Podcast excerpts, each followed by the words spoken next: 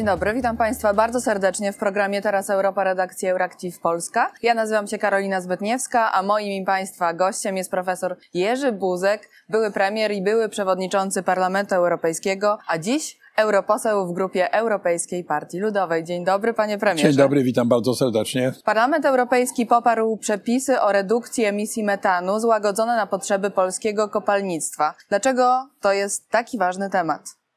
Nadal produkcja energii elektrycznej w Polsce to niemal w 70% jest węgiel. A więc gdybyśmy tego węgla nie mieli i bloków węglowych, no to nie mielibyśmy prądu elektrycznego. To jest bardzo ważne ze względu na bezpieczeństwo energetyczne Polski, żebyśmy przez następną na przykład dekadę może, mogli jeszcze wychodząc stopniowo z węgla, korzystać z węgla jako źródła energii bo wszędzie mamy prąd w naszym kraju i e, bez niego po prostu gospodarka by stanęła, także nasze życie codzienne. A więc to, że złagodniały te przepisy, oznacza, że będziemy mogli funkcjonować. Górnictwo nasze będzie mogło dalej działać. To bardzo, bardzo ważne. Tak to brzmi. E, kluczowe z punktu widzenia Polski poprawki przyjęte przez europosłów to 5 ton emisji metanu na 1000 ton wydobywanego węgla jako dopuszczalny poziom od 2027 roku, a 4 lata później będą to 3 tony metanu na 1000 ton wydobywanego węgla. Natomiast pierwotna ko propozycja Komisji Europejskiej przewidywała dopuszczalną emisję tylko pół tony metanu na 1000 ton węgla. Czy Polska jest w stanie po pierwsze osiągnąć ten próg, a jeśli tak, to kiedy?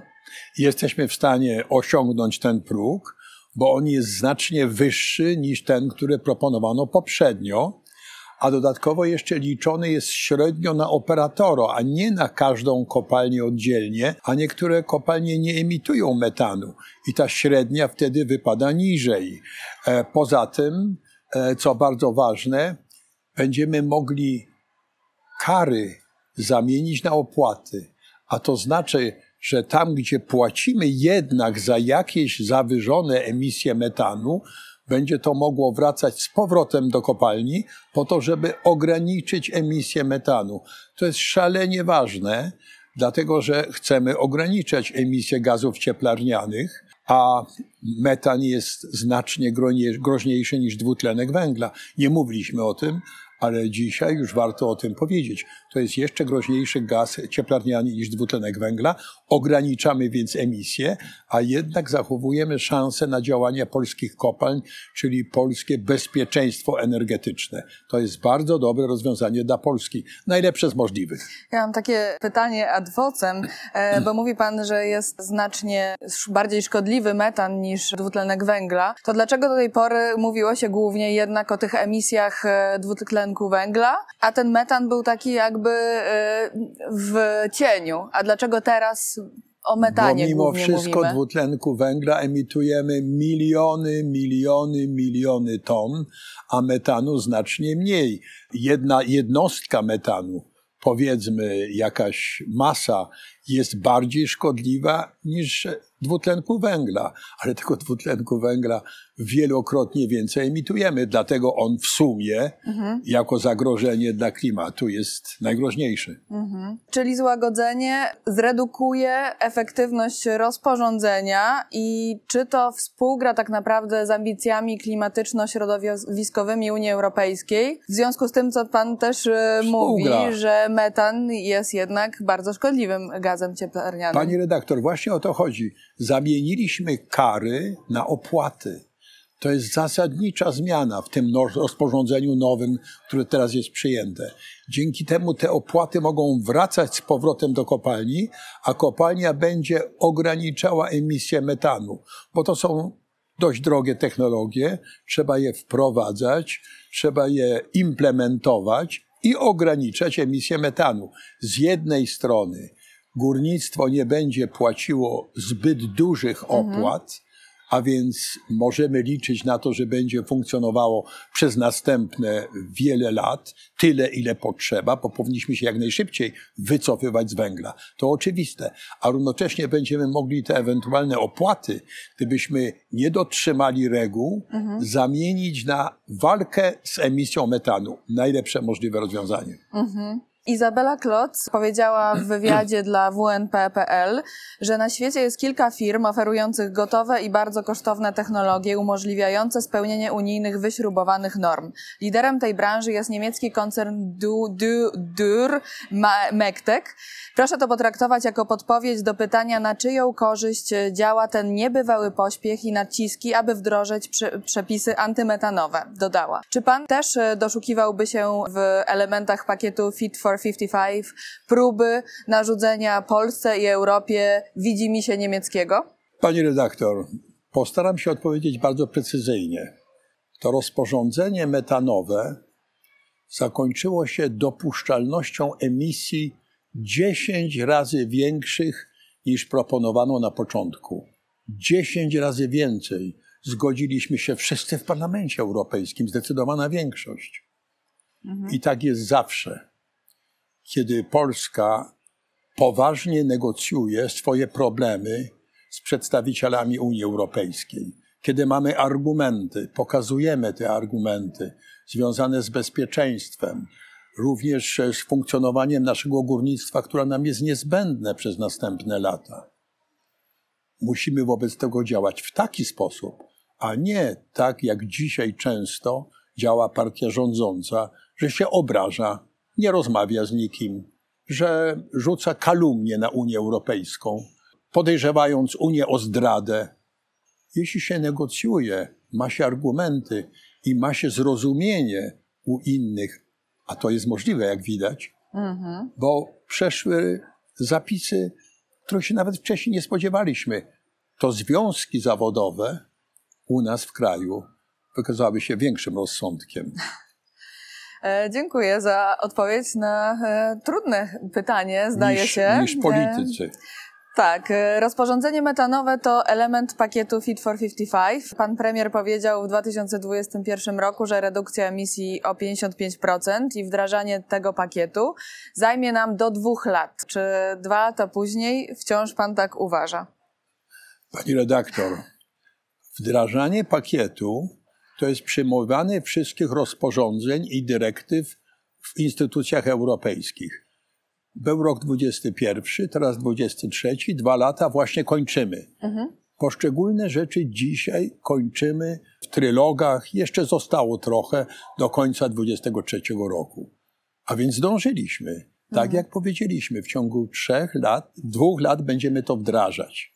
Ale zupełnie co innego jest to, że do 2030 roku, a więc w ciągu następnych siedmiu lat, mhm. mamy ograniczyć emisję o 55%.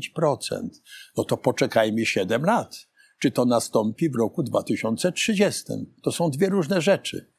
Przeprowadzenie wszystkich rozwiązań przez instytucje europejskie, to się właśnie kończy, a więc niemal w terminie, mhm. a też reakcja naszej gospodarki naszej, nasze zachowania, e, również środowiskowe obywateli, czy dadzą w rezultacie za 7 lat redukcję emisji dwutlenku węgla o 55%.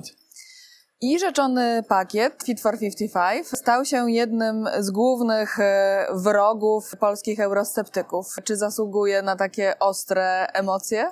Pani redaktor, trzeba przede wszystkim mieć odwagę przedstawiania swoich własnych problemów krajowych w spokojny sposób, argumentowania, rozmowy, mhm. a nie atakowania wszystkich dookoła. Chciałem powiedzieć bardzo mocno, że od wielu lat, zwłaszcza obecne władze, ale także poprzednie, zgadzaliśmy się na wszystkie propozycje proklimatyczne w Unii Europejskiej również pakiet Fit for 55. Te 55% mhm. redukcji emisji gazów cieplarnianych do 2030 roku został zatwierdzony przez polski rząd. Polski premier to zatwierdził. Zatwierdziły instytucje unijne, Zgodziliśmy się na to wszyscy. Teraz mamy tylko rezultaty tego, na co się zgodziliśmy. Pewne ograniczenia, pewien sposób działania. I to w ogóle nie, nie jest sprzeczne z tym, co chcieliśmy osiągnąć. Dodam jeszcze, że system handlu emisjami, o którym często mówimy, przynosi Polsce bardzo korzystne rezultaty. Mamy dwa razy więcej uprawnień na fundusz e, modernizacyjny, a to Polska jest jego głównym beneficjentem. To będą dziesiątki miliardów złotych. Mamy o 30% więcej darmowych emisji e, w ciepłownictwie. To ratuje polskie ciepłownictwo w pewnym sensie. Będziemy mniejsze płacić rachunki za ogrzewanie. Mamy również specjalny społeczny fundusz klimatyczny, który daje szansę wsparcia dla małych i średnich przedsiębiorstw, dla indywidualnych ludzi, którzy chcą ocieplać budynki, budować pompy ciepła, e, budować fotowoltaikę na dachu. Mamy rozwiązania, których byśmy nie mieli, gdyby to nie posłowie w Parlamencie Europejskim negocjowali takie rozwiązania. Polski rząd się odwrócił tyłem. Powiedział, negujemy cały pakiet, nic nie negocjujemy. A ja mówię, ile tam jest dobrych rzeczy. Chociażby kontrola rynku, żeby nie było specjal, spekulacji na rynku e, uprawnień do emisji CO2. Myśmy wprowadzili zasady, ale można było pójść dalej, gdyby polski rząd zechciał w Radzie intensywnie negocjować. To jest dokładnie ten przypadek, co z metanem. W przypadku całego pakietu Fit for 55 rząd się na ogół obrażał. I zarzucał Czyli nie siada wszystkim... w ogóle do stołu negocjacyjnego, tylko A jak jest się obrażony. siądzie, jak się pokazuje argumenty, tak chociażby moja poprawka, która dotyczyła spekulacji na rynku systemu handlu emisjami. Dlaczego rząd o nią nie walczył? Dlaczego ona przeszła w parlamencie, a nie przeszła w czasie dyskusji w Radzie? To Dlaczego? dla mnie są. To trzeba zapytać polskiego rządu. To jest doskonały przykład. Metan, gdzie w końcu udało się jakoś przymusić rząd do poważnych negocjacji i cały pakiet Fit for 55, gdzie no, powiedzmy sobie, to jest gotowi na 55% redukcji emisji gazów cieplarnianych. To jest Fit for 55.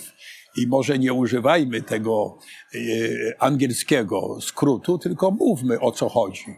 Polski rząd się zgodził, niestety nie, nie em, negocjował intensywnie, aby uzyskać dla Polski najlepsze warunki. Ale pani redaktor, one i tak są dobre. Dlatego, żeśmy nie zasypiali gruszek w popierę i walczyliśmy w Parlamencie Europejskim. Panie premierze, to już na dzisiaj wszystko. Bardzo panu dziękuję. Dziękuję pięknie.